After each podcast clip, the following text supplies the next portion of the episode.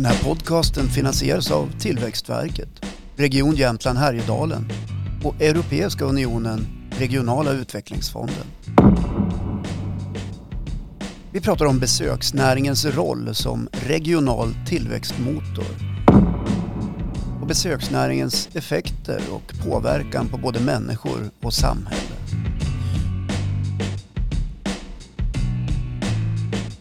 Då säger vi välkommen till Anna Gillgren som är eh, turismstrateg i Strömsunds kommun. Hallå där! Hallå, hallå! Tack så mycket. Och välkommen till Jämtland Härjedalens uh, turismpodcast. Ja, spännande. Det här Ja. ska bli riktigt kul. Ja, vi får väl se. Ja, vi får se. Eller höra. Eller höra. Ja. Du, berätta, vad gör en eh, turismstrateg för någonting? Eh, bra fråga. Eh, så här är det att jag har väl egentligen inte någon riktig arbetsbeskrivning och den här tjänsten den kommer till, till kommunen för kanske fyra, fem år sedan. Eh, och tjänsten är knuten till Strömsunds näringsliv och utveckling, alltså näringslivskontoret på kommunen. Eh, innan den här tjänsten fanns då hade man ju turistchef i Strömsund Mm. som jag också jobbade med under åtta år.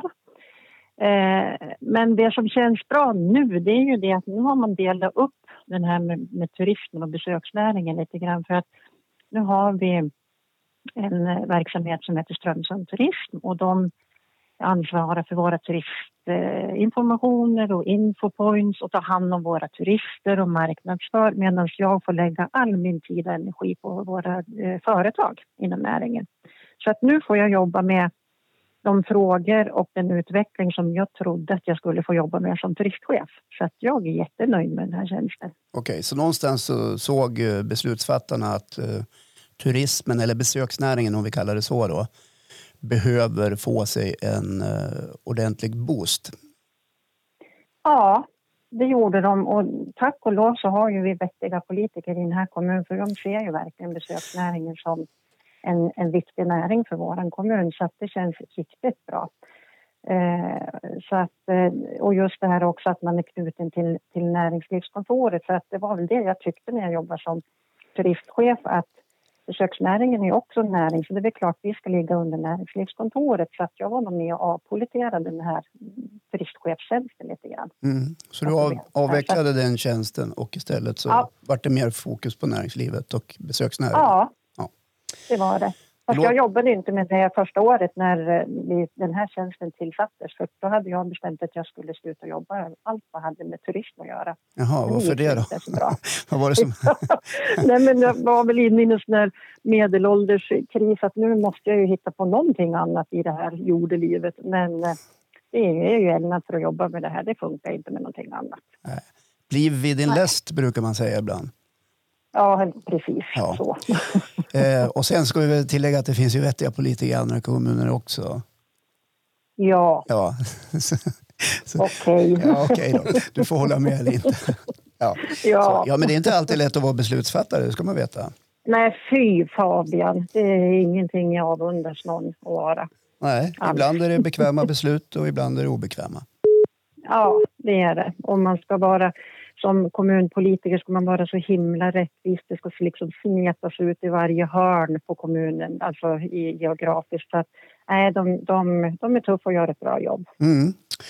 Hörde du Anna, då, om, man, om man nu pratar då besöksnäring i, i Strömsunds kommun. Vad, om du fick pinpointa några eh, riktigt bra grejer som man sysslar med där uppe ur, ur besöksnäringens synpunkt. Som du kan se att här finns det möjlighet till tillväxt eftersom den här podden ska försöka sätta fokus på just regional Mm. tillväxt. Då.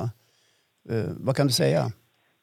Jo, men alltså, eh, vår besöksnäring i vår kommun den är ju småskalig. Det är tuffa och drivande entreprenörer som, som står på flera ben och ser möjligheter hela tiden. Eh, och att eh, vi har ju aldrig här uppe sett oss som några småsyskon till varken Funäsdalen, Vemdalen eller Årefjällen utan, utan här jag tror inte jag pratar med en enda företagare inom besöksnäringen i den här kommunen i alla fall som vill se den utvecklingen utan man vill bevara den här småskaligheten, det unika och genuina och att det liksom är på naturens villkor lite grann. Att man har de här unika platserna som finns inte någon annanstans. Om vi pratar Korallgrottan, Djurälven, Hällingsfallet. Eh, så att jag tycker att, att eh, besöksnäringen i vår kommun de, de utmärker sig med att man, man ser möjligheter och att man är lite envis och att, att man eh, ändå liksom man, man, man står och gräver där man, eller vad är det man säger, man gräver där man står lite grann. Mm. Ja, så skulle jag säga. Ja. Men vad, vad, får man då som besöksnäringsentreprenör i Strömsund om man vänder sig till dig då och kommunen? Vad är, vad är det ni kan stötta och hjälpa till med? Ja, det är ju det att precis det du säger, när man hör av sig till oss så, så ska man hjälpa till med, ja, men man har ju nätverk om det är utbildningar, eh, behöver man pusha på när det ska tas något beslut på miljö och byggavdelningen, eh, utbildningar kanske jag sa. Så att det är ju det att man måste ju höra av sig till oss för att då, då, då hjälper man till att kratta lite grann. Mm. Det är det som, det som är tanken. Kan man säga att ni är som en liten lots i, i myndighetsförfarandet? Ja. Eh, för som liten Exakt. entreprenör kan det vara omständigt och mycket regelverk och sådana här saker. Ja, det, det, kan man absolut säga. Och sen så finns det ju fler än jag som jobbar på den här avdelningen. Vi har eh, Katrin till exempel, hon är ju jätteduktig när det gäller rena företagsstöd så att det, allt behöver inte komma från mig heller utan vi hjälps ju åt för att kunna hjälpa vilket, som vilket företag som helst i kommunen. Mm. Strömsund har ju haft en eh, negativ befolkningsutveckling under flera decennier tillbaka. Eh, och det här är ju något man såklart vill vända i Strömsund. Men kan du se, eller om andra ser inom besöksnäringen, en, en ljusning? Och vad, i sådana fall, vad är det som saknas som du får bestämma om vi snackar tillväxt sprunget ur besöksnäringen? Bostäder utanför centralorterna. det är vad som saknas för att kunna jobba mer effektivt. För att vi har familjer som vill flytta till, men alltså vi, vi pratar inte nu centralorten utan vi tar som ett exempel Jormvattnet, Stora Blåsjön och de här. Men alltså det finns ju inga bostäder så att där finns det ju att göra och det är därför vi också tittar på den här husinventeringen nu. Mm. För att titta om det kan få loss lite obebodda hus. Eh, och sen jobbar vi på, vi på från regionens sida med det här stora projektet som heter En attraktiv region. Och jag tycker, det har ju varit befolkningssiffror som har gått ner precis som du säger men någonstans så tycker man ju sig se att i och med den här pandemin har man sett att det funkar för de som kan eh, jobba hemifrån till exempel på distans och åka in till något jobb någon gång då och då. Eh, så säger ju, jag tror att det är sex av tio svenskar säger att man gärna flyttar ut till landsbygden och då ska ju vi vara på tå. Och det, därför är ju det här stora regionala projektet ligger så helt rätt i tiden just nu. Mm. Ja, vi har pratat tidigare i den här podden om just pandemieffekten eller covid-effekten ja. och viljan ja. att, att, uh, röra sig ut i landet och kunna jobba på distans. Men när du, får jag uppehålla mig lite grann kring det här med bostäder. Det är alltid lätt då mm. att säga till kommunen bygg kåkar eller se till att det finns någonstans att bo. Men Eh, det kan också vara ganska svårt och riskfyllt att eh, slänga upp bostäder i, i, gles eller landsbygd. Vad sa du, fånga upp, eller vad sa du? Det kan ju vara ganska riskfyllt att uh, satsa på bostäder i gles eller landsbygd rent ekonomiskt. Ja. Jo, men det är det Du menar om, så om, om kommunen skulle bygga Eh, hus ute i landsbygden ja. mer. Och det är väl därför också det är så svårt som privatpersoner att få banklån till exempel för att kunna få bygga sig ett hus. Och det är väl för att man har den synen fortfarande eh, att det är, det är svårare kanske att bli av med. Men jag tror att det, vi måste nog titta lite längre fram och att det kanske är en ändring på gång där. Och sen så behöver man ju inte bygga ett, ett, eh, hyreshus för att det är ju så att kommunen har ju faktiskt rivit hyreshus också genom åren. Så att, eh, nej, det är inte helt enkelt och man måste ju ha ett visst un, ett underlag innan man satsar pengar för att bygga. Det förstår ju till och med jag. Men, men du säger att det finns eh, Finns det ett konkret underlag, liksom x antal personer, familjer eller entreprenörer som gärna skulle vilja eh, verka inom besöksnäringen i, i Strömsund men det här blir då ett, ett slags hinder?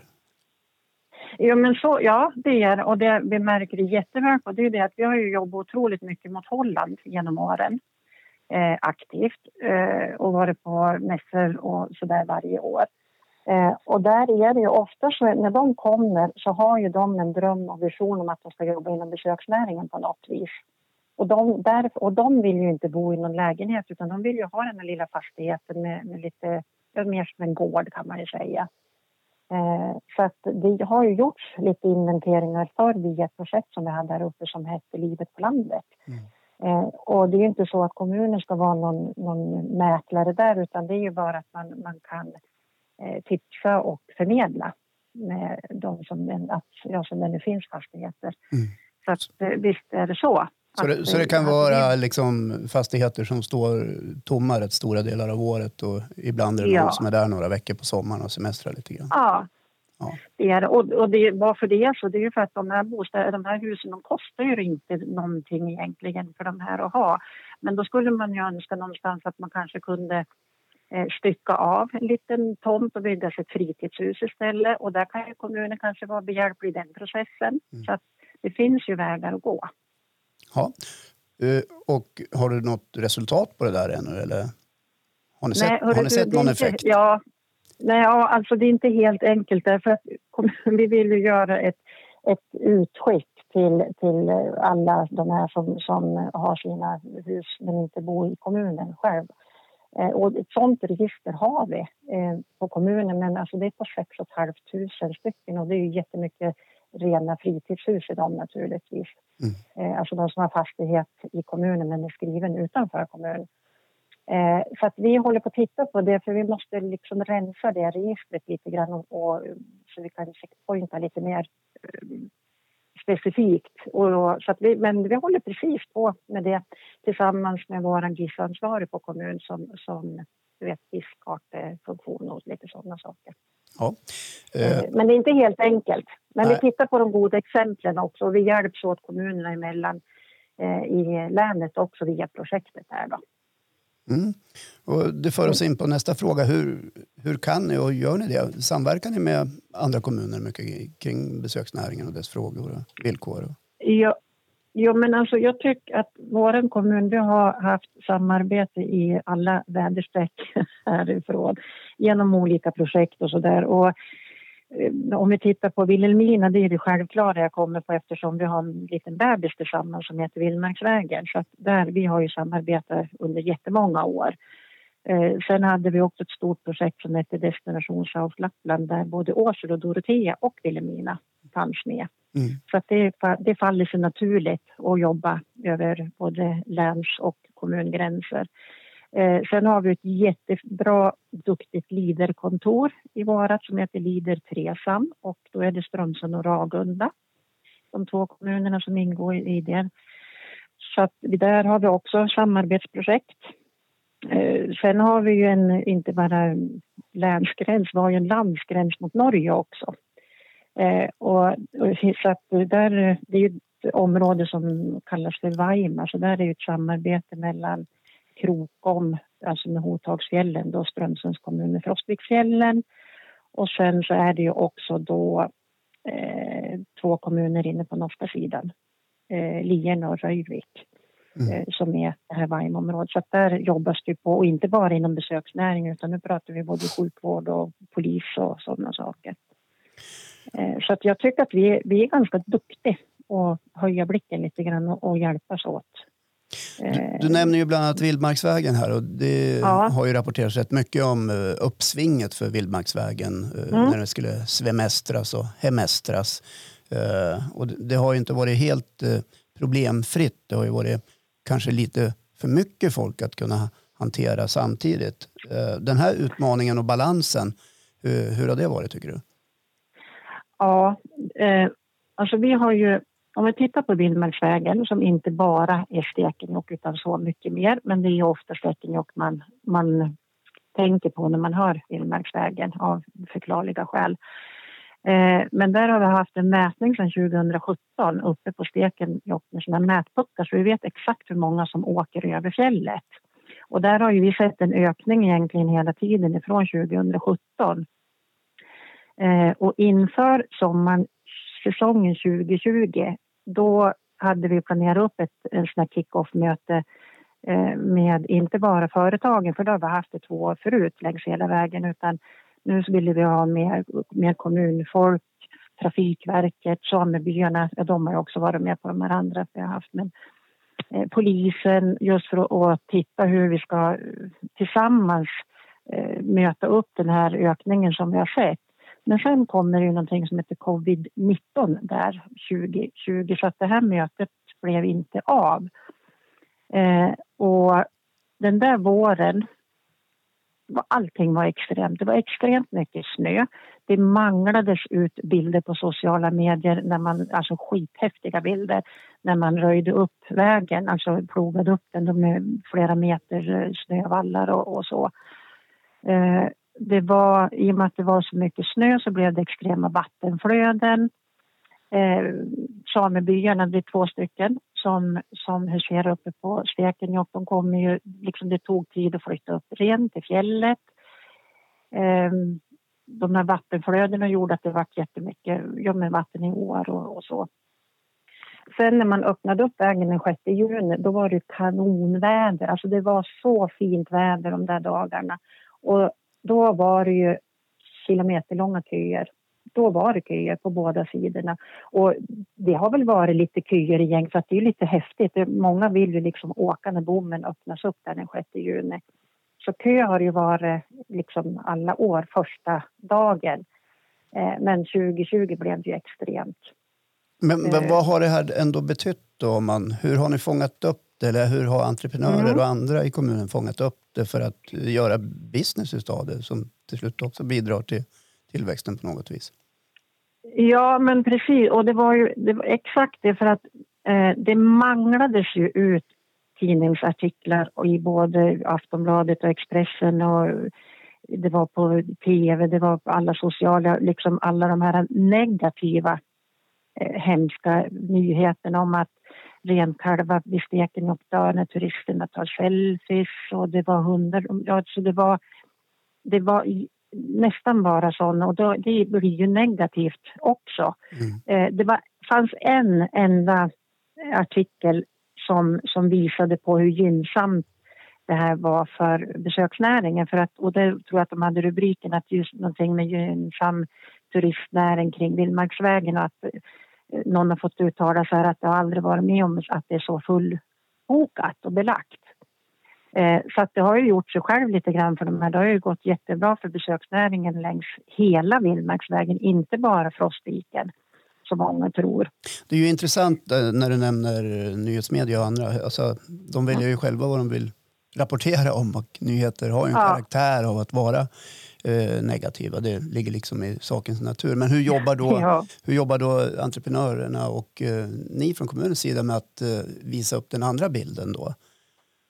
Jo, men det är ju och, och, och, där får man ju mycket hjälp av sociala medier för att du vet att jag vet inte hur många Facebookgrupper det finns som heter Vi som åker Vildmarksvägen, Vildmarksvägen och de hjälpte ju till där och la ju, för det, jag ska säga, ja, det var kajko där, alltså folk är, det finns en del som inte har något som helst vett hur man ska bete sig och det, jag måste få säga det att den där sommaren 2020 då var det ju otroligt många gäster som inte hade någon som helst eh, vana av att vistas i de här områdena till fjälls till exempel. Det var folk som lånade eller hyrde sig en husbil och eh, bara liksom gav sig iväg. Så att det var mycket ovana gäster som vi hade. För de allra flesta vill ju göra rätt. Det är inte det jag säger, för det är min övertygelse. Men alltså det blir ju fel. För att Eh, vi från, från kommunen, alltså turistinformationerna, de flyttade ju ut den sommaren så var man mycket uppe på Stekenjokk och tog emot gästerna på plats där. Eh, och likaså Länsstyrelsens naturbevakare fanns på plats för att alltså informera gästerna om ja, vett och etikett på fjället ungefär. Lite mm. så. Och vad man får göra och inte göra. Ja. Vissa perioder får du gjorde... inte stanna bilen och kliva ut och traska omkring. Liksom. Ja, men, ja, men så är det. Och det, har, det är ju inget nytt för att det har ju vi haft på, på Jämtlandssidan under flera år. Så har vi ju det här fågelskyddsområdet under en månad. Eh, från, ja, fyra, ja, en månad ganska precis. Och du, då får du bara stanna på hänvisade platser och du får inte gå av vägen. Så för vår del på, så var det ju ja, var vi, det var inget nytt det där om hur man ska ändå ska bete sig. Men när det blir så mycket folk så, så det liksom eh, det, det, blir ju svårt och det här med information är inte lätt och många har väldigt svårt att ta till sig information i skrift. Men har ni ingen kommunikationsavdelning på Strömsunds kommun som kan hantera det där? Ja, absolut. Och det, men de åker inte ut på att jobba i fält om man säger, utan det var ju turistinformation både från Vilhelmina och Strömsund mm. som fanns ja, men på de här ställena man vet att det är mycket folk. Uppe på platån på Stekenjokk, vid Hällingsåfallet, Ankarrede. Eh, så att de hade ju som en mobil, mobil verksamhet den sommaren och sommaren som har varit nu, 2021. Och det är det bästa. Hur, men hur har ni förberett er nu inför stundande sommar? Då? Vad, är, vad är strategin med att nå ut med de här budskapen? Ja. Så, här, så här gör du när det är hos oss och välkommen hit men tänk på de här sakerna och så vidare. Ja, det som föranledde kan jag säga, det var väl det positiva med Erik Råksågen det var ju det att eh, i och med att det blev som det blev sommaren 2020 för att när man släppte de här restriktionerna där runt den 13 juni då var, då var det en ny jätteström hit upp och till Råka vildmarksvägen. Men eh, man hade ju då sammankallade eh, kommunchefen i Vilhelmina till ett samrådsmöte med representanter från båda kommunerna, ifrån båda länsstyrelserna, Trafikverket, samebyarna Eh, och eh, ja, men just för att dels gå igenom sommaren som hade varit och vad vi skulle förbättra så att vi inte skulle ha en sån situation igen då i sommaren som var. Ja, och vad har ni då gjort för att klara de här uppsvingen med, med är det rastplatser, faciliteter, mer sophämtning, ja. servicestationer? Vad är det ja. ni har gjort för någonting? Det är bättre skyltning. Eh, på Västerbottensidan där eh, vad heter, upprättar man ett ett eh, område där det var förbud att stanna överhuvudtaget. Och där hade man mycket mer information. Vi har satt upp jättestora skyltar på båda sidorna där det står just det här med att visa hänsyn. Eh, det är ingen som kan missa den skylten för de är gigantiska. Mm. Och de har vi satt upp på tre platser på, på vår sida och tre platser på Västerbottenssidan. Man tittar ju för mycket folk, det, det självklart så blir det ju mer sopor. Och det här med färdsopor det har ju alltid varit ett, ett mer eller mindre problem men det blev ju extremt nu. Så att eh, vi har eh, satt ut fler kärl på flera platser, man har tömt oftare. Så att den här sommaren som har varit nu har man ju sett en stor skillnad mot 2020 och det säger Länsstyrelsen också som har sina naturbevakare som är ute i fält lite mer att det, har, det var mycket bättre i somras. Så att det, det är ju det och sen också att man tittar på och samarbetar just med Länsstyrelsen att man tillgängliggör kanske platser på ett annat sätt och, och att man provar att styr strömmen med folk och det gör man ju om man tillgängliggör ja, men, små vandringsleder som är kanske en rundning istället för som en led till fjälls i vanliga fall. Den går ju från punkt A till B, alltså långa, långa sträckor. Så att där jobbar Länsstyrelsen på så att det blir nog klart i sommaren att man har lite nya vandringsstråk. Eh, så att, till, att vi till, tillgängliggör och att man kan styra eh, strömmen av gäster helt enkelt. Det är väl lite så. Men är ni inte glada, är ni inte glada över de här uppsvingen då och uh, vad de faktiskt uh, betyder både för sysselsättning och ekonomiskt? Ja, företagarna? Det, det är jättebra och det är ju som jag säger att eh, jag har ju också mycket kontakt med handeln för jag tycker att handeln berörs otroligt mycket av alla turister som vi har här uppe. Eh, så att innan vi hade det här eh, vet det, mötet i höstas när vi skulle summera sommaren vad det gäller Vildmarksvägen då skickade jag ut en enkät till besöksnäringen och handeln i vår kommun där man fick svara på lite frågor hur viktigt man tycker att Vildmarksvägen är för sin ja, verksamhet. Och det var ju tydliga svar att alla, både inom handeln och de genuina företag inom, inom besöksnäringen, att de ser ju verkligen eh, skillnad med när vägen är öppen såklart. Ja, men vad bra, då har ni, ju, sen, ni har ju fått ett underlag då. Ja, eh. ja det är precis. Och det är ju så jag vet, man ska jobba också med, med politiker och så, så är det ju viktigt att ha de här då har vi det svart på vitt att så här har man faktiskt svarat. Ja, för, för det här har vi pratat rätt mycket om i den här podden också tidigare. Jag vet inte om du har lyssnat på några avsnitt? Har du gjort det? Ja, ja, ja, ja. alla. Ja, ja, där ser man. Eh, jättebra att du har gjort det. För där pratar man ju, våra gäster pratar ganska ofta om att besöksnäringen behöver bli bättre på att visa upp svart på vitt, siffror konkret, vad det faktiskt genererar, både i intäktsmöjligheter, antal besökare och så vidare. Så det här underlaget som ni har eh, plockat fram, då, hur använder ni er av det? Då?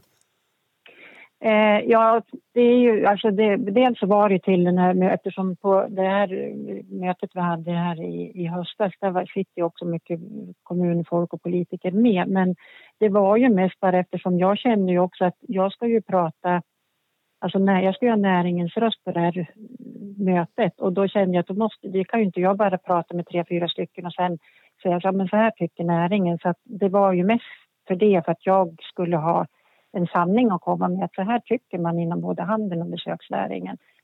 Eh, men de, den papperna finns ju, liksom, rapporten finns ju kvar så att den kommer man ju kunna ha nytta för. Jag ska sitta med KSA nu på eftermiddagen och, och eh, vi håller på att revidera vår turiststrategi. Där kommer jag kunna ta upp den att så här resonerar man och ett fokusområde vi har i strategin är ju Vildmarksvägen. Mm. Så då har du någonting att lägga på bordet för att ja. Eh, kunna argumentera för Eh, förbättringsåtgärder eller satsningar eller andra ja. åtgärder. Ja. Precis, så är det ju. Och rent generellt kan jag ju tycka just det här om, om möt, alltså mäta eh, turismen i... Det är svårt. Det finns ju den här som vi kallar för temen. Alltså, eh, det är ju turistisk ekonomisk modell heter, som har funnits under många år som vi har använt oss av, som jag, jag vartannat år.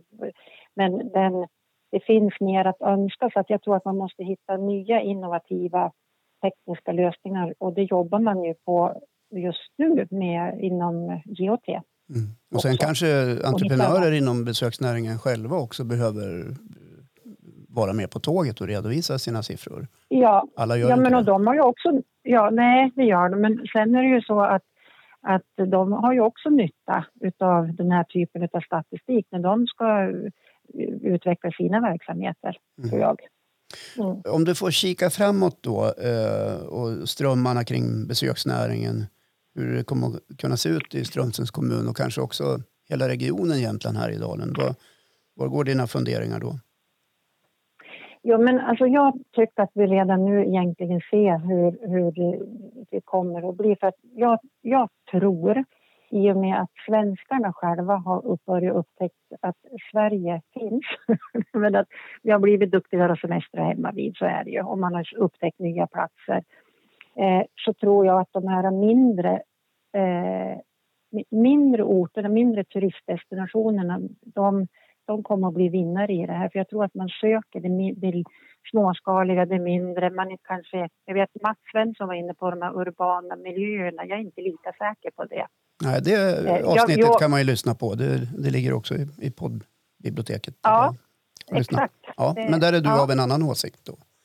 Ja, men jag tror, eller, och jag, jag, är helt säker på att både Funäsdalsområdet, ja, men de här åren, de kommer att fortsätta ha mycket folk, absolut.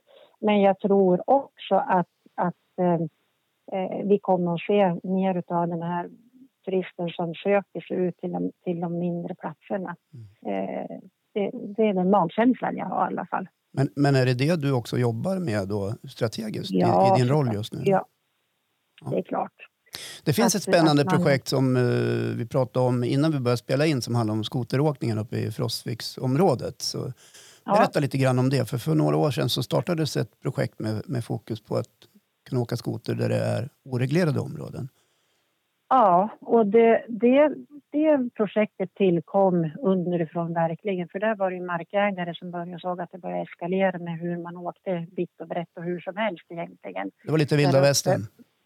Ja, men det blev ju så. Och det var inne i byarna och man körde ju sönder skogsplanteringar och, och så. Så det, det var ju nära att jag hade kunnat bli ett totalförbud. Eh, och då tillkom det här projektet som hette Hållbar vinterturism i Frostviken. Eh, där man tittar på just det här med att eh, skriva markägaravtal. Och från början då var det ett avtal som blev skrivet mellan kommunen och markägaren. De avtalen har man ju nu tagit över i aktiebolaget där uppe som driver eh, driver lederna och eh, säljer de här skoterpassen och så. Så nu har Där det har blivit en- då, eh, affärer utav det? Det som Ja, tidigare var vilda västern, om jag får lite uh, otrevligt kalla det så. Eh, ja till viss del så var det ju... Ja, det, det har blivit jättemycket bättre och vi har ju folk som jobbar med det här där uppe. Och, eller inte vi ska jag säga, för de är ju helt egna. De, de är jätteduktiga att jobba på där uppe och det har blivit annorlunda. Dels eh, så kan de ju till exempel om eh, samebyn ringer in och säger att nu har vi jättemycket ren i det här området, då kan man gå in direkt och stänga av just det området. Eh, och det här, eh, det, var- det, det ska ju fungera och det fungerar väl också vad jag vet. Jag vet i och för sig att just det där, den delen med, med att stänga av just för rennäringen, eh, man har inte kommit liksom riktigt i hamn hur det ska funka oklanderligt, men det fungerar. Eh, så att det, och det här blev ju som en pilot kan man ju säga för, för i Sverige för att eh, de har ju, som drev projektet har ju fått vara både i Dalarna och Norrbotten och Västerbotten och berätta om projektet för att det här är ju inget problem som bara fanns i Frostviken utan det här ser man ju överallt. Jag tror Krokom tittar på det nu för Hovhagen bland annat. intressant. Mm. Eh, Ja, Martin står här och stampar som en frustande tjur som ska ut på grönbete. Nej, men det precis det du sa, Anna, att det låter som en föregångare för just den genren. Skoteråkning är ju inte helt problemfritt, eh, men ni har lyckats Nej. väldigt, väldigt, väldigt bra och just den här oreglerade skoteråkningen har väl varit debatterad. Eh, och frågan var liksom att ni är som en föregångare och hur många som liksom tittat på det ni gör, men då hade du redan besvarat och det är ju Mm. väldigt intressant och dessutom att det har bidragit att blivit kommersialiserat och bidrar till tillväxt. Det är något Ja, som startade som ett projekt.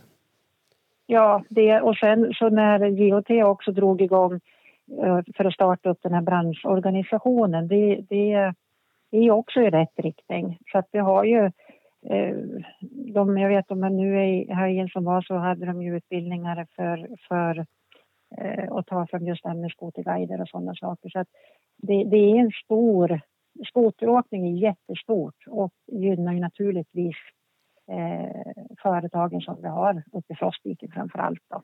Mm. För de ska ju bo någonstans när de kommer, vet ni. Äta och bo. Ja, det är bra att ha någonstans att Mm. bo. Eh, Ja, och den som ställer i ordning det eh, har ju alla möjligheter i världen då att göra också affärer på det. ja, Ja. självklart. Ja. Du, om du nu fick önska någonting sådär, eh, eftersom du har jobbat som, inom näringen i, i så pass många år med alla de här frågorna som eh, Eh, du säkert känner igen. Men om du fick önska någonting, eh, nationellt, regionalt och, och lokalt, vad, vad önskar du att det skulle vara för någonting för att få ännu mer skjuts på tillväxten och besöksnäringen? ja, det är en bra fråga. Men om man... Jag tänker så här att om man tittar inter, eller nationellt eh, så har man ju nu kommit fram till, till att man har reviderat den, den strategin. Eh, och de lyfter ju egentligen prior, fem prioriterade områden och ett är det enklare företagande. Mm. Så att nu, skulle jag, nu önskar jag, hoppas och tror att de här eh, handlingsplanerna nu då som man ska jobba fram utifrån de här olika eh, områdena att, eh, att man kommer att se det och att man kommer att känna det som företagare i norra Jämtland att, att, eh, att man har gjort det mer tillgängligt och lättsamt just då enklare företagande. Och sen är det väl jobb och kompetens, kunskap, tillgänglighet och marknadsföring. Är det. Att Och så, det- du, det får är också önska, önskar. du får också önska fler bostäder, för det har du ju pratat om. Ja, absolut. absolut. Jo, men och sen också att man kanske eh, tittar lite och tar lite eh, lärdom från våra norska grannar nationellt. För att där jobbar man ju med sina naturområden och man nationalparker har ju de, men vi har ju, eh, vi har ju inte någon nationalpark direkt här kring det. Men att där går ju staten in med massor med pengar för att göra de här naturupplevelserna både tillgängliga och hållbara och att man ser naturen som en värdegrund. Så Mm. eh, nu är du nästan inne på området riksintresse. Ja, just det. Mm. Det är ett riksintresse. Nu finns ju rörligt friluftsliv. Är ju ett riksintresse så att det, får väl utveckla kan jag tycka. Och fick, fick önska dig någonting regionalt då? Ja, eh, ja, men att regionen ser... Nu vet jag att man ser absolut nyttan att man har en fungerande länsstyrelseorganisation eh, och att man kanske avsätter medel och pengar långsiktigt och inte liksom på korta år från år eller två eller tre så att man får en arbetsro och kan lägga de här långsiktiga utvecklingsplanerna för hela, hela regionen. Färre korta Eh, och projekt för- och mera långsiktiga satsningar. Ja, Ja. ja. att man har möjlighet att inte bara titta kanske två eller tre år framåt utan att man kan och våga lägga långa, långa eh, planer. Mm. Och sen också att, att IoT som är regional då också ser de här utvecklingsområdena, alltså näringens förutsättningar i hela, i hela Jämtland Härjedalen. Mm. Att det, vi har olika förutsättningar. Ja. Och så snävar vi ihop det lite grann till att handla om det lokala om du fick önska dig någonting där då. Eh, ja, då skulle jag nog säga kanske att, att ännu fler, både inom det offentliga men också vi som lever, verkar och bor, eh, att vi höjer blicken lite grann och som jag brukar säga, höj blicken, kroka arm och samverka ännu mer. För ibland så känns det som att engagemanget kanske är viktigare än kunskap. Intressant. Ja. Det här är ju utmaningar som du nämner. ja, det är det. Mm. Men det ska man ha. Det är ju Det- därifrån det föds saker. Ja, det, det har du alldeles rätt i. Vi ska ta och runda av. Eh, Vi brukar alltid Mm. fråga våra gäster, eh, för de svemestrar eller hemestrar säkert själva. Och det gör säkert du också. Eh, Om du Ja. har ett smultronställe sådär som du skulle vilja eh, dela med dig utav uppe i dina trakter. Ja, men alltså för egen del så, så måste jag ju säga där vi har vårt fritidshus och det är i en by som heter Öjan som ligger till en halv mil ifrån Strömsund. Det är liksom eh, mitt smultronställe och där man varje gång jag kommer dit får man den här energiboosten. Den, den, det är verkligen ett smultronställe. Sen så rent generellt så skulle jag ju vilja att alla våra gäster och besökare tar sig av allfartsvägarna. Då kommer alla att hitta sina egna smultronställen, det är jag helt övertygad om. Okej, men du, vad är det som är så speciellt med Öjan, känner du, förutom att du laddar batterierna där? Det är, det, alltså stugan ligger vid sjön och vatten, eld och det, det är liksom, det är där du kan... Jag kan sitta och titta ut på sjön i timmar egentligen. Det var så inte göra så mycket mer. Nära till skogen, eh, jag är en riktig skogsmänniska. Eh, det är det där att eh, Ja, men som jag pratade om förut, som jag tror att många av oss, allra helst nu efter isolering och skit, den här pandemin, så tror jag att det är det här eh, att man liksom behöver komma närmare naturen igen och hitta och känna och få det här inre glöden. Den behöver vi. Anna Gillgren, det var jättekul att få ha dig med i Jämtland Härjedalens turismpodcast. Och hoppas du hade lika roligt. Ja, men jag hade jättekul och jag tyckte att jag kunde ha suttit och pratat hur länge som helst. Ja, men nu är det färdigt för den här Det är gången. färdigt. Ja. Ja. får du sköta om dig och eh, lycka till med eh, allt eh, ni håller på med där uppe i Strömsund kring besöksnäringen och tillväxten. Tack så mycket. Det tar jag till mig.